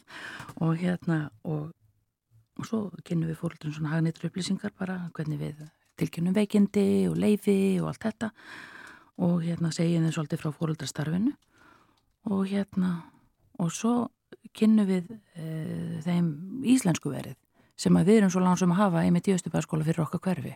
En þetta er eitt fjara svona hérna úræða sem að hérna er þetta er annað ári sem þetta er Já. í á, hérna í Reykjavíkuborg að þetta er alltaf nefnendur sem eru nýkonni til landsins og eru byrjendur í íslensku. Og þetta er, þetta er þvert á hverfið sko. Við erum með börn, í Östubæðaskóla erum með börn úr okkar skólakverfi, það er að segja sko grandaskóli, melaskóli hagaskóli, eh, hátuskóli og líðaskóli og ég hafa einhvern glimt hann og hérna og, þannig að þeir, þau eru eiga öll sem sagt að ganga inn í þetta verð en það komst náttúrulega ekki um að 20 verið þannig að eins og ég sagði og þannig að það þarf að forgansaða þarna og þannig er eldstu nefndun teknirinn fyrst. Ok Þannig að það er forgangsráð og er þétt setið Já, í verðinu. Já, sannlega. Þú sér það bara, ég, við erum búin að taka móti 60 þannig bara rúmlega núna í vettur. Mm -hmm. Við hefum gerna viljað setja öll í íslensku verð en, það er bara ekki þannig, sko. Nei. En, en, hérna, en, en sannlega var þetta mjög jákvæmt skrif en þess að þarna fer fram mjög markvis íslensku kjensla og þau eru bara þarna, hérna, það er auðvitað fer fram mjög góð kjensla rík í skólanum en það er doldið öðru vísi að vera alveg 20 tíma í bara svona bara í þessu þessari íslensku kennslu Já. svo faraðu í kennslu í sínum heimaskólum líka krakkanir Já. Já, og því forgámsræðið eldstu börnunum segiru uh, sko, hvernig er það, þessu þá hátta með þau sem ekki komast þarna inn, þau fara bara í uh, fara þau í hefðbundna íslensku kjenslu með öðrum börnum eða? Já, sko, þetta er náttúrulega hérna, uh, þetta uh, móttakan hjá, sko, hérna það fá allir þessar mót, markvísu móttöku sem að, ég, ég talaði um, sko. Og, og hérna og svo hérna fara hinnir uh, bara inn í bekk, sem sagt og í, sem sagt, líka geta notið eru líka að njóta íslensku kjenslu í svona í námsveri og hérna og þetta getur auðvitað verið flókið en þetta gengur að því við erum með frábæra og mjög metnaði fulla kennar og bara starfsfólk í skólanum sem að hérna tekur utanum börnin. Mm. og svo erum við með hérna bara mjög stíðandi hérna, frístundastarf líka sem börnunum býðist það er mjög kraftmikið og, og fóröldarsamfélagið mjög gott. Og hérna og það eru auðvitað mikilvægast að viðfangsefnið að hérna bæta íslensku kunnottuna og þessara barna og, og, og, og byggja hana upp Já. og að þetta verði svona samfelt að það sé sífælt byggt ofan á það sem þau hafa, hafa verið að læra Já. og þarna skiptir náttúrulega miklu máli að, að fræða þá sem að eru að starfa við þetta að, að hérna að, að þeir fái að bara við viljum að allir starfs með skólans fái fræðslu um hvernig móttakan er og kjenslan og félagslega aðlögun og svona en við þurfum líka að kynna sérstaklega sko fyrir kennurunum svona hugmyndafræði og fjölbreyttar aðferði við að kenna íslensku sem annamál og hvernig er hægt að svona aðlega námsefni að þörfu nefnda og hvaða matsaðferðir henda best Já. fyrir þessa krakka. En hérna, Þetta er vantanlega svolítið flóki verkefni. þetta er bara mjög allir- flókið. Já. Það er nú bara þannig og þetta þarna skiptir samvirna og samstarf og, og, og svona stuðningur e, kollegana miklu máli og hérna og en svo hefur við reyndar notið líka stuðningsmiðjum máls og læsis það er svona þekkingateimi sem starfar á vegum skóla og frísundarsviðs og, og veitir kjenslur ágjöf meðal annars uh, í, í fjölmenningu og fjöldingi og íslensku annar mál og, og hérna og, og málfrásk og læsi líka. En, en þetta, sko, við leggjum tóltið upp með það að, að íslensku nám, sko, nefnda sem koma í Östubæðskóla, þetta er ekki engamál þeirra sem að eru sérstaklega búin að, að eh, svona eh, sérmenta sig í því að, að kenna íslensku sem annar mál. Þetta er sammeilegt verkefni allra sem er börnunum starfa. Já. Það verður bara að vera þannig. Það, það líkur í augum uppi. Börnin eru í öllum bekkjum allstæðar og, og hérna og, og þannig að Akkurat. Þannig að allir kennarar og allt starfsfólk þarf einmitt að kynna sér þetta og já, taka þátt. Já, og, og bara, og, og hérna, og það gerir það og, og hérna, og, og, uh, sko, og við erum, þetta eru bara börnin okkar, sko. Þetta er náttúrulega elmingu nefn þetta. Já, Það er nú bara þannig, þannig að það er nú, já. það er nú bara svoleið, sko. En eins og sagðir, sko, Kristín, þú nefndir það áðan að það í þessu, þegar börnin eru búin velkomin að þá þarf að koma staði hvort þú séu læs á vestrænt litur. Mm -hmm. Og það er sérstaklega auðvitað eh, kannski annað flækustig. Það er ekki alveg að sama uh, hvaðan börnin kom eða hvaða málbakurinn Nei. þau hafa. Aldils ekki, og, og skólaganga, hver er hún Já, fyrir skólaganga? Veist, það, þetta, hérna, þetta er bara mjög, hérna, þetta er mjög fjölbreytt. já.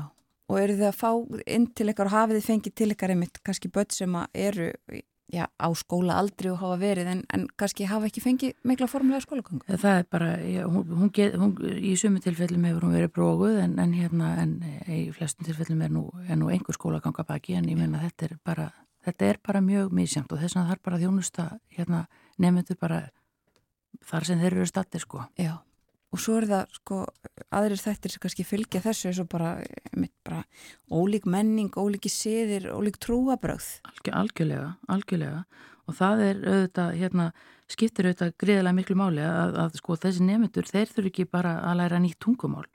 Þeir þurfa líka að tilenga sér svona samskiptafærni og læsi á íslenska menningu og við, við þurfum líka að auka þekking okkar á svona menningarlegum jarfiði sem þeir eru sprotnir úr þessi krakkar Já. Og hérna bara hver eru þeirra viðhorf og hver gildi og, og, og bara við þurfum bara að hérna að tilenga okkur svona vinnubröð sem lúta að þjónustu við þessa krakka. Já.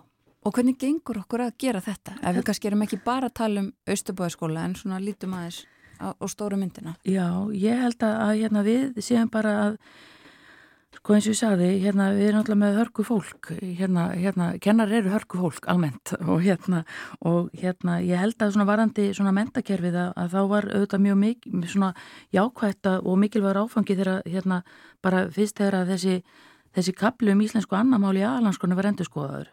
Og þetta fylgiritt sem kom svo í kjölfarið. Og, og það kallaði auðvitað örgla og kallar þetta ný komið þetta, þetta fylgiritt þarna og það kallar auðvitað á endurskoðun í skólum. En hérna en bara fórsenda þess að nefndu gangi vel að tilenga sér svona tungumál og, og bara alla námskrinnar að það er bara að þeir hafi fjölbreytarkjænslu aðferðir og að það sé námsefni fyrir þá. Og það er það sem að, það sem að hérna, þar er bótturinn brotin svolítið. Já. en þess að það hefur ímislegt verið gefið gott út og ekki síst á rafrænu formi en það er ekkert heildstætt námsefni en það komið út frá mentamálastofnun fyrir þessa krakka. Og það er náttúrulega ekki nógu gott það þarf að bæta Já. Veistu til þess að það sé verið að bæta það eða? ég hérna, hef nú ekkert verið í sambandi nýlega en ég vænti þess að þeir, þeir heyri mitt orð hér en ég, ég vænti þess líka að með, með, hérna, með þessu nýju, nýju aðalanskona endurskoðu þannig í þessu að þá, þá komið þetta Já. ég hef nú trú á því og ég, ég hef nú heyrt af því að það sé verið að, að, að vinna í málinu en, en, en ég vil bara sjá þetta Já. Og væntanlega þarf að uh, auðvitað þarf að vanda til verka en væntanlega þarf svona laga að gera svolítið hratt þegar það er að verða svo miklar breytingar. og þetta er sko, að því að eins og ég sagði það sko, kennar eru alveg hundflingir að finna til alls konar og, og hérna og, og, og ná sér í og já þetta er sniðut og skiptast á hugmyndum og allt þetta. En hérna, en við verðum auðvitað að gera kröðu til þess að, að það sé til násefni sem að það sem að byggt er ofan á sífælt að vera að byggja ofan á orðaforðan og sem, að, sem er samið út frá, frá hafniði meðanum. Já. Þannig að þarna er potturinn brotin í því hvernig við erum að taka móti en, en svona annað er, er farið að slípast til og við erum Já, já við erum að verða betri og betri alltaf, mér finnst það, mér finnst að vera alveg hérna. Og svo er bara það er bara svo mikil segla í skólafólki. Ég, mér, mér finnst það bara vera svona heið eh, í þessu sko, við erum bara við erum, já, bara hérna við eh, við leggjum okkur bara verulega mikið fram og það á bara við alla skóla. Já, einmitt. Rétt í lógin Kristín, sko Hvernig er með samskipti krakkana sín á milli? Þau, tala þau til dæmis eh, mikið ennsku sín á milli? Við rættum þetta hérna mitt fyrir mánuðinum og þá sko kannski þetta krakkar eru í dag farnir að læra ennsku fyrr. Uh, áður fyrir kannski höfðu þau ekki annan kost heldur en að læra bara íslensku strax. Mm -hmm. Hvernig upplifur þetta? Já, sko málstefna skólan sko, við erum svona, með, hérna, svona megin reglan er svo að við tölum íslensku í tímunum. Eh, það er auðvitað undartegningar á því. Já. það er bara þannig sko. Og, hérna, og, og stundum þegar börnin er nýkomin að þá er mikilvægt að við kannski haugihotnin sem talar þeirra mál til að útskýra og svona sko. En hérna, en svo koma friminútur og, og þá grýpaðu kannski í enskuna og hérna þá finnast mönnum þeir kannski standa jafnir meira. En hérna við fylgjumst ekki alveg með því. En hérna en það er ekkit það er ekkit sem að við erum að reyna að, að, að hindra eða eitthvað svoleiði sko. Það er ekki, ég held að það sé óvinnandi vegur svoleiði sko. Þau bara, hérna, það, það er þeirra frjálsi tími en í tímunum þá tölum við íslenska og samskiptamálið íslenska. Já. Kærar þakkir fyrir að koma til okkar á morgunváttina og, og segja okkur frá lífinu í Östubæjaskóla Kristín Jóhannesdóttir skólistjóri. Takk sem leiðis.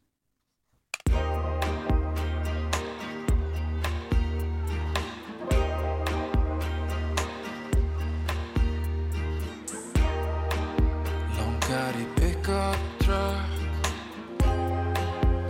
Með hestakerru aftan í. Þetta er lífið sem ég langar í.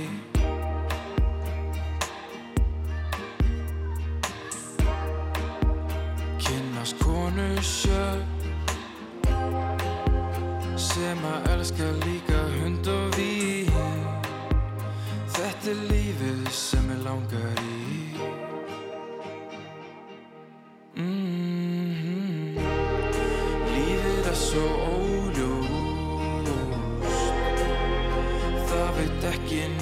hvað er að gerast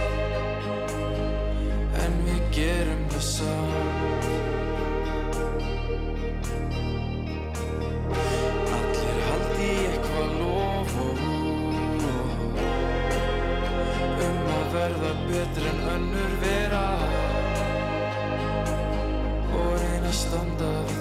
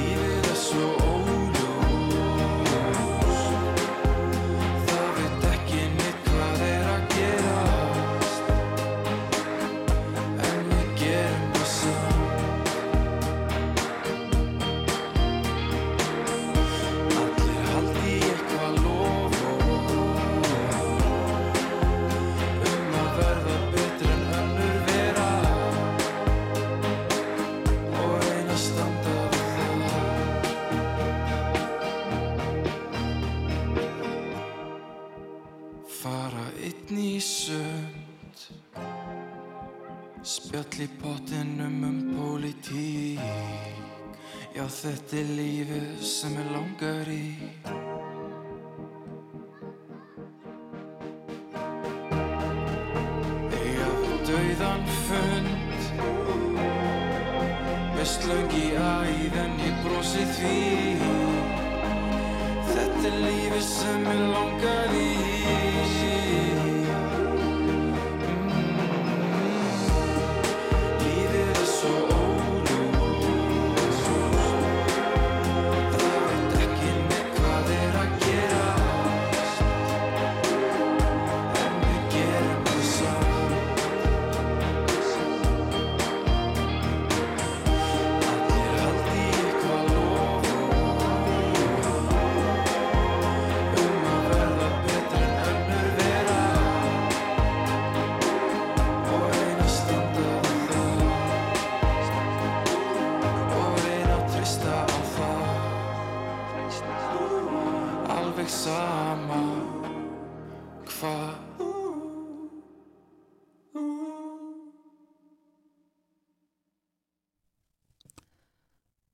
Þessi hljómsveit heitir Hipsum Haps og lægið Lífið sem mig langar í, lag frá árunni 2019. Og áður við leikum þetta lag var hjá okkur Kristín Jóhannesdóttir, hún er skólastjóri í Östubæjaskóla og sað okkur frá lífin og tilverunni þar. Það er uppindu 50% helmingur nefnda í Östubæjaskóla sem hefur annað móðurmálinn íslensku um, og 40% uh, engöngu önnur tungumál. Og sað okkur frá því hvernig farið er að því að taka á móti krökkum. Það er aðeins öðruvísi að taka á móti krökkum sem ekki tala íslensku uh, heldur en þeim sem það gera. Og búið að samræma alls konar í móttökunni en það sem vantar upp á er námsefnið. Ekki neitt svona námsefni heildstætt til fyrir kennara og nefndur Sumi krakkarnir kunni ekki eins og vestrænt letur. nei Aldrei sé það áður. og það er allur einmitt, uh, alls konar uh, bakgrunnur, menning, trú, siðir sem að spilar þarna inni en eins og Kristín sagði að kennarar eru hörkufólk og það er sigla í starfsfólki skólana og þau uh, gera þetta með sóma taka á móti börnum 60 börn í vetur, sagði Kristín okkur í Östuböðskóla bara Og öðru sem var að daska hjá okkur í morgun uh, snemma var hér formaður miðnefndar samtaka hernaðarandstæðinga Guttormur Þorsteinsson. Við rættum um uh, stríð í heiminum. Þau eru víðar enn í Úkrænu eins og hann fór yfir en uh, hann ásér þann von, þá von að heimurinn verði einhver tíman herlus, vopplus. Hér verði ekki stríð. Og uh, svo rifjum við upp þegar Pompidou og Nixon komu til Íslands fyrir 50 árum, lok mæ 1973. Herðum lýsingu Árna Gunnarssonar fréttamanns frá Keflavíkur flugvelli, hann fyldist með þótum, enga þótum fórsett hann að lenda þar og uh, þeim stíga út, uh, helsa íslenskum ráðamönnum og fara svo upp í bílana, sér styrtu, allavega var sá bandaríski þannig. Við eh, fjöllum meira um þennan fund, leitu að fund uh, Nixons og Pompidou á kjarvalstöðum í mælokk 1973 hér á morgunvaktin í fyrramálið, uh, segjum frá því sem að þeir rætu um fósettarnir og heyrum umfjöllun um þá sem að útarpa var hér á sínum tíma. Þetta er búið hjá okkur í dag, ekki búið spil, alls ekki svo leiðis og fyrir að taka svona til orða. Þættinum er lokið. Við þökkum samfélgina í dag og verðum hér aftur í fyrramálið. Verðið sæl.